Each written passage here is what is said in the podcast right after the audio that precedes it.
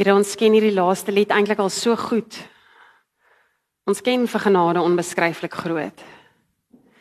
En tog Here, so terwyl ek dit sing dan besef ek baie keer in ons harte sluit ons onsself uit by u genade. Ons staan buite die deur van u genade omdat ons dink ons is nie goed genoeg om u genade te kry nie. Maar Here, u genade is oorvloedig vir ons almal. Here, vanoggend vra ek bring u die woord in elke persoon se hart dat dit wat u wil hê elkeen vanoggend moet hoor dat hulle dit hoor. Dat hulle koppe stil genoeg is om te hoor wat u wil hê hulle moet hoor. Nie net wat ek sê nie wat in die woord staan dalk wat ons gesing het dit maak nie saak nie Here maar spits ons elkeen se ore vanoggend. Amen Ons het kom nou uit die Kersfees en uit die Adventstyd uit. En dis as ons in die kerklike jaar dink en nou die volgende tyd wat wat nou is, is die Epifanie praat ons van. Dit is nou die tyd tussen Kersfees en Lydenstyd. So dis nou Jesus se geboorte en Jesus se sterwe. Tussen daai tyd nou wat ons dit vier. So outomaties, wat vier jy dan in daai tyd? Jy vier Jesus se lewe. Spesifiek sy menswees op aarde, maar spesifiek epifanie beteken, die mooi Engels sê, a sudden manifestation or perception of the essential nature or meaning of something.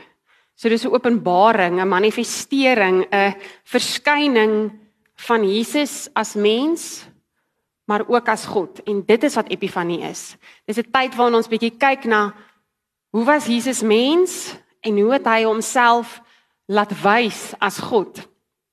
En daarom gaan ons vandag lees uit Johannes 2 uit. Dit is een van die eerste plekke waar ons in Johannes, dit is die eerste plek in Johannes waar ons sien dat Jesus 'n wonder doen waar hy homself ook as God vir die mense wys. So julle kan julle Bybels oopmaak by Johannes 2. Dit is die bruilof by Kana. Ek gaan lees vers 1 tot 12. Ek is in die 2020 vertaling vir die van julle wat dalk nou 'n 83 of 'n ander vertaling het. Daar is nogal so hier en daar 'n verskilletjie. Maar ek is in die 2020 vertaling. Op die 3de dag was daar 'n bruilofsfees by Kana in Galilea. En Jesus se moeder was daar. Ook Jesus en sy disippels is na die bruilofsfees genooi.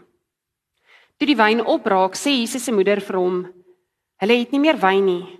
Maar Jesus sê vir haar: "Vrou, waarom pla u my? My uur het nog nie aangebreek nie." Sy moeder sê toe vir die dienaars: "Doen wat hy ook al vir julle sê." Daar het ooreenkomstig die reinigingsgebruike van die Jode 6 klipkanne gestaan wat elk tussen 2 en 3 metritus. Dis nou eintlik so 100 liter. Volg ek dink in die 83 staan daar omtrent 90 en 100 liter kon hou. Jesus sê toe vir hulle: "Maak die kanne vol water." En hulle het dit tot bo toe vol gemaak. Daarop sê hy vir hulle: "Skep nou daarvan uit en neem dit vir die hoofkelner." Hulle het dit toe geneem. Toe die hoofkelner die water proe wat wyn geword het, het hy nie geweet waar dit vandaan kom nie, hoewel die dienaars wat die water uitgeskep het geweet het. Hy roep toe die bruidegom en sê vir hom: 'n Mens sit eers die goeie wyn voor en eers wanneer hulle begin dronk word, die van swakker gehalte. Maar jy het die goeie wyn tot nou toe teruggehou. Dit het Jesus by Kana in Galilea gedoen, die begin van sy tekens. Hy het sy heerlikheid geopenbaar en sy disippels het in hom geglo. Hierna het hy, sy moeder, sy broers en sy disippels na Kapernaum afgegaan, maar nie baie lank daar gebly nie. Net tot sover. Net gou 'n paar interessante dinge oor Johannes. As ons die vier evangelies vat, Matteus, Markus, Lukas en Johannes, is Matteus, Markus en Lukas, hulle het baie ooreenstemmings. Hulle stem baie ooreen. Ek sê altyd Johannes is so 'n bietjie die buiteperd. Hy skryf anders, hy het ander verhale in. Hy's heeltemal so 'n bietjie bietjie anders. Toe ons op universiteit ook, jy behandel die eerste 3 saam en jy behandel Johannes heeltemal apart, want hy is net so anders geskryf. En sommer net ook interessant, julle het nou gehoor, hy praat daar die hele tyd van Jesus se moeder. Johannes noem nooit Maria op haar naam nie. Hy praat net altyd van Jesus se moeder. Hy praat nooit van Maria nie. En soos ek nou aan die begin gesê het met die Bybelstudie wat ek beplan, hierdie is die eerste een van sewe wondertekens wat Johannes oorskryf van Jesus. En Johannes is ook een, hy praat nie van wonderwerke nie. Hy praat van tekens. Hy sê dit was tekens. Want 'n wonderwerk volgens Johannes of dit hoekom hy dit so doen is 'n wonderwerk kan gesien word as dis 'n wonderwerk. Dis 'n ding op sy eie. Dit was 'n wonderwerk. Wow, dit was amazing. Maar dan se klaar. Waar 'n wonderteken sê vir jou dis 'n teken van iets. Dit wys na iets anders toe. So dis nie net 'n wonderwerk nie, dis sewe wondertekens tekens wat Jesus gedoen het wat wys na iets toe, wat wys na iemand toe. En dan spesifiek na Jesus en sy goddelike kant ook. So hierdie wonder hierdie wonderteken is seker een van die bekendstes. En as jy nou al ooit saam met 'n klomp dominees gekuier het waar daar wyn gedrink word, dan sê hulle altyd word die grappie gemaak. Ja, maar Jesus het wyn, water in wyn verander, ons mag maar wyn drink. Maar ek beloof julle dit is nie die doel van hierdie teks nie. hierdie wonderteken wat Johannes hier beskryf is nie vir ons as dominees om 'n verskoning te gebruik om te mag wyn drink nie. Dit is glad nie wat die doel hiervan is nie. Nou wat is dit dan? Daar's 'n kop gekap. Ek het hom gehoor. Die beter vraag is eintlik Wat leer ons van God in hierdie gedeelte? As ons nou oor epifanie praat. Wat leer ons van God as Jesus as mens in hierdie gedeelte? En daar's se drie dinge wat ek wil uitleg vanoggend. Die eerste ding is die oorvloedige genade wat ons hier raak lees, dan Jesus se mens wees en dan Jesus se God wees. Oorvloedige genade. Een van die dinge wat my eerste opgeval het toe ek hierdie gedeelte gelees het, is Jesus wat vir hulle sê: "Maak dit vol die kanne." En dan sê hulle, hulle het dit tot bo toe vol gemaak. Hulle het dit heeltemal vol gemaak. Nou, as ek nou dink aan dit is die kanne waarna hulle hulle hande gewas het. As jy 'n bak of 'n ding vol gaan maak om hande in te was, dan maak jy hom nie tot heel bo vol nie, want as jy jou hande indruk dan loop daar water oor. Maar vir hierso het hulle daai kanne tot bo toe vol gemaak. Nou dit is verskriklik baie. Dis 6 kanne wat omtrent 100 liter elk kan vat. So dis 600 liter wyn vir 'n troue. Dis 'n bietjie baie. Né? Nee? Ja en nee. Nee, dit is eintlik nie so baie nie, want as jy in gedagte hou dat hierdie troues 7 dae lank gehou het, en die hele dorp was teen teen een genooi gewees en dit was die bruidegom se werk om vir almal vir 7 dae wyn te verskaf. Dan is 600 liter seker nie so baie nie. Ek is net baie bly ons troues is nie 7 dae lank en dat jy hoef drank te verskaf vir al jou gaste vir 7 dae nie want dit is nogals baie. So nee, as jy in daai opsig kyk, is dit nie oorvloedig nie, is dit nie te veel nie. Maar tog ja, dit is Die klem wat hulle lê op dit was tot bo toe vol, dui vir ons daarop dat dit 'n oormaat was. Want selfs soos as jy sou skep nou uit daai kanne uit, gaan dit mors, daai eerste skep.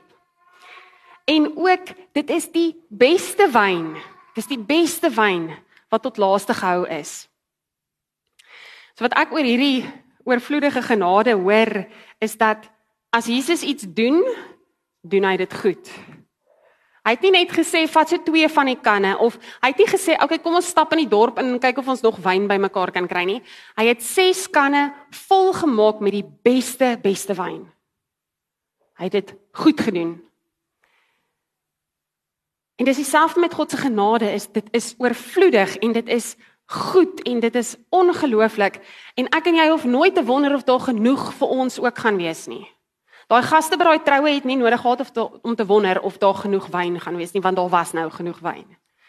En ons hoef ook nie te wonder oor God se genade nie, want daar is genoeg. Nou hoe maak ek die sprong van die wyn na die genade toe?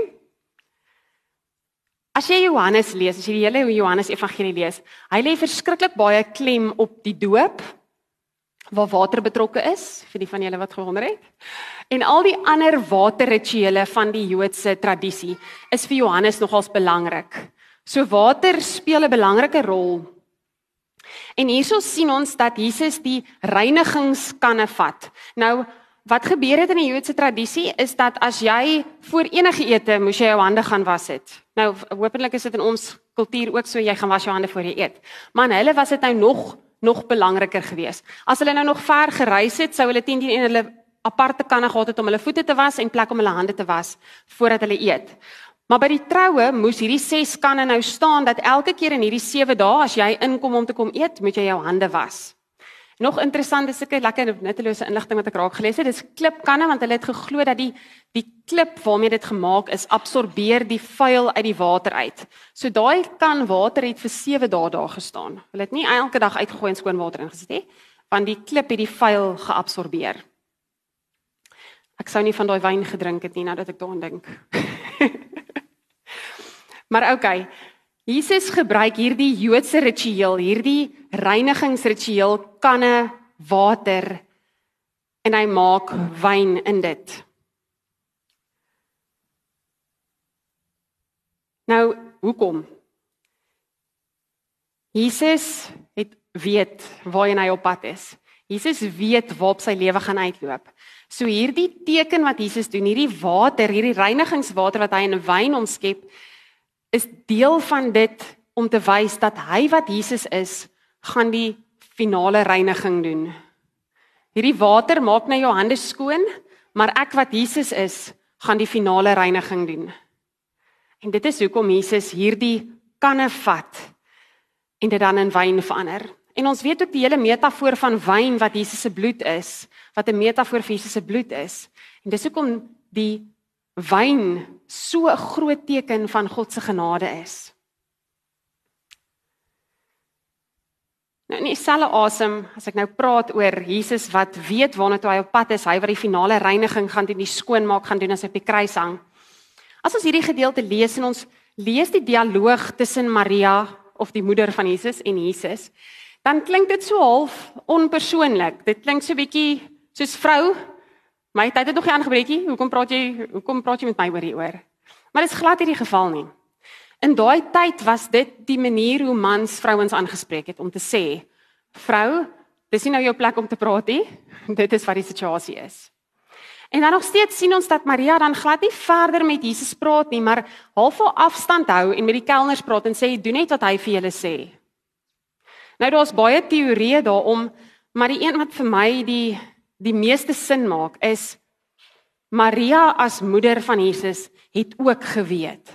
Sy het ook geweet wie is hierdie kind van haar.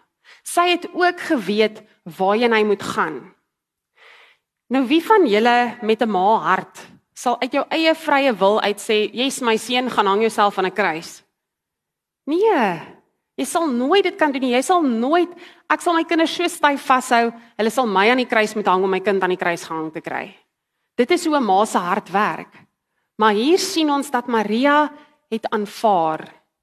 Sy het begin afstand doen want sy het geweet hierdie seun van haar is bestem vir soveel meer. En dit is hoekom 'n mens daai daai afstand tussen ma en seun hoor in hierdie teks. Dit is maar eintlik so so ongelooflik mooi want sy het geweet dat Jesus se wondertekens, se genade gaan nie ophou by water wat in wyn verander nie. Dit bring my dan nou by die tweede punt. Hierdie manier wat Maria wys sy's gereed vir wat Jesus moet doen en Jesus se lewe op aarde wat oor en oor wys dat hy meer is as net mens. Bring my dan by Jesus se mens wees. Nou ons kan nie Jesus in twee dele deel nie. Ons kan nie sê hierdie deel is Jesus se mens wees en hierdie deel is Jesus se God wees nie, want dit is so so verweef. Maar ons moet kyk na Jesus wat 'n mens was. En dis hoekom dit vir my so amazing is dat Johannes kies om Jesus se eerste wonderteken in so 'n een nie eenvoudig nie, maar so opregte menslike milieu te skryf. Soos wat is meer menslik as om uitgenooi te word na 'n troue toe en deel te wees saam met jou vriende en jou familie van hierdie feesviering van 'n troue? Dit is in essensie wat menswees is. Want die slim mense, die neuroloog sal vir jou sê, jy kan oorleef op kos en water en al die ander mooi dinge, maar om as mens te floreer en om 'n goeie gesonde mens te wees, moet jy behoort. Moet jy 'n belonging hê. Moet jy ander mense om jou hê om jou mens te maak. Dit is wat jou anderster is jy net nog 'n geskape wese wat oorleef. Ons is mens omdat ons saam met ander mense mens is. En dit is wat hierdie wonderteken van Jesus so mooi maak. Hy is mens in hierdie bruilofsfees saam met sy ma en sy broers en die disippels en al die ander mense.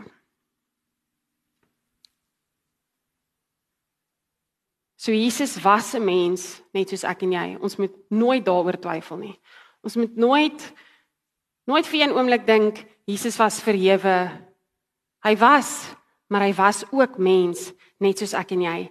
En nog belangriker vir my van Jesus se menswees was nie hoe hy as mens was nie, maar hoe hy ander mense behandel het, hoe hy gekies het om met ander mense te werk. Want hierso en op ander plekke baie keer as Jesus kies om mense te gebruik of kies om met mense te werk, is dit die mense wat aan die onderkant van die voedselketting is. Mense wat uitgestoot is, dienaars, mense wat werk. Want wat gebeur in hierdie gedeelte? Jesus gaan nie na die hoofkelner toe.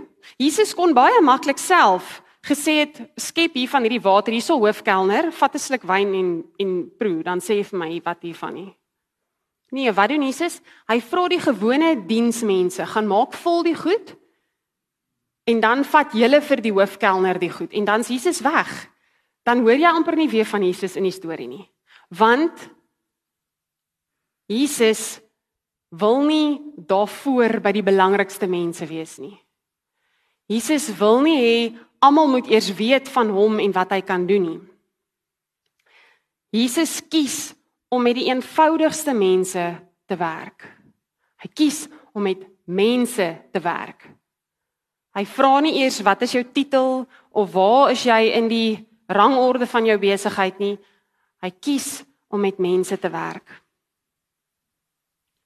Hy openbaar homself aan sy disippels, want ons sien sy disippels het in hom geglo en hy openbaar hom aan die dienaars, die gewone kelners van die troue.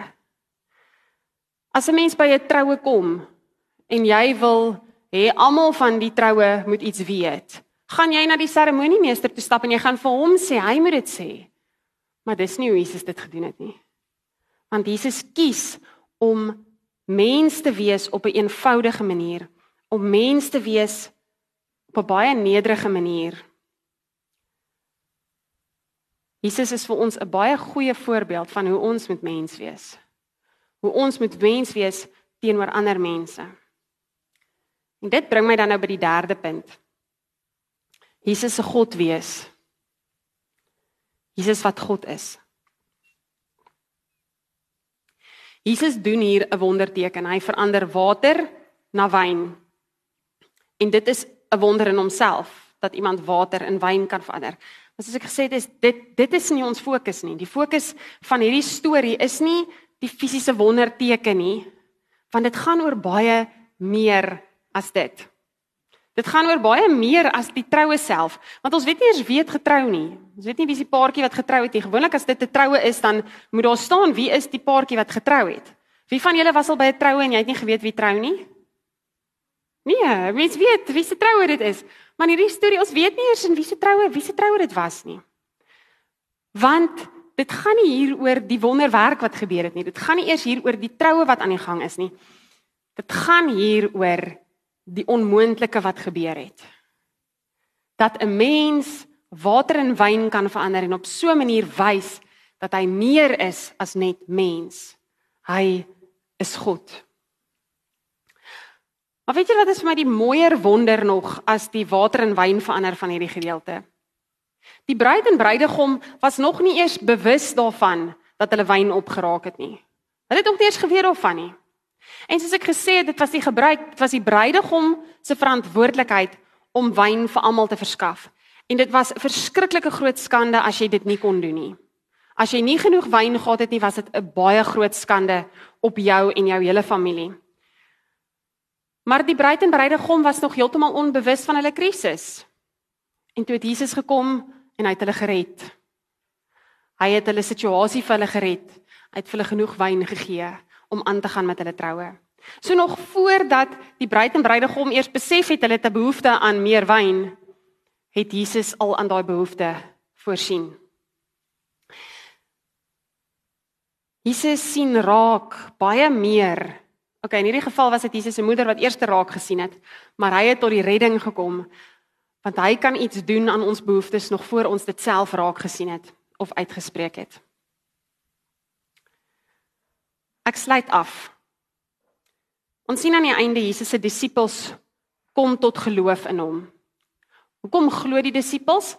Want hulle het gesien hoe hy met die mense werk. Hulle het gesien dat hy met gesag praat. Die disippels het geglo want hulle het gesien hierdie wonderteken wat hy gedoen het. Nou is my vraag, sien jy hom ook so? sien jy vir Jesus as 'n lewende God wat jou help? Wat jou behoeftes raak sien nog voor jy dit uitgespreek het? Wat jou hart ken? Wat weet wat is jou grootste begeertes? Sien jy ook vir Jesus as die een wat oorvloedige genade oor jou lewe uitgooi? Jy wil nie eers te vra nie en hy gee dit vir jou. En sien jy vir Jesus as die God wat die onmoontlike vir jou kan doen? Amen. Here Hierdie is 'n lekker storie om te lees. Want dit is een van daai wondertekens wat so bietjie anders is as om mense gesond te maak of mense uit die dood uit op te wek. Here, hier het U water in wyn verander.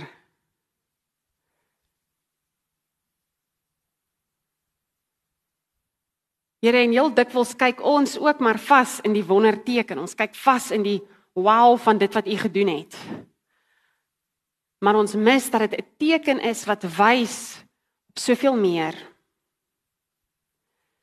Here, ek leer vandag dat U oorvloedige genade het vir my en vir elkeen van ons wat hier sit.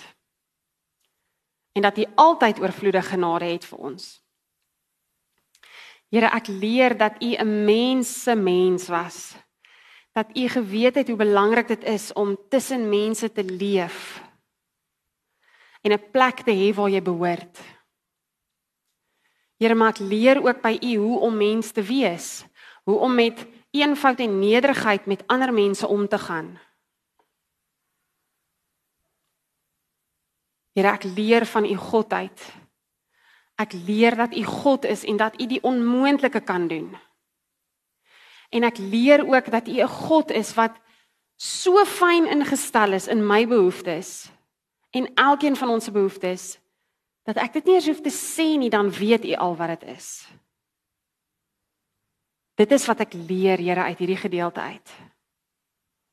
Here, as ek vanoggend hier uitstap, wil ek kan sê soos die disippels glo ek dit en gaan ek dit nou leef.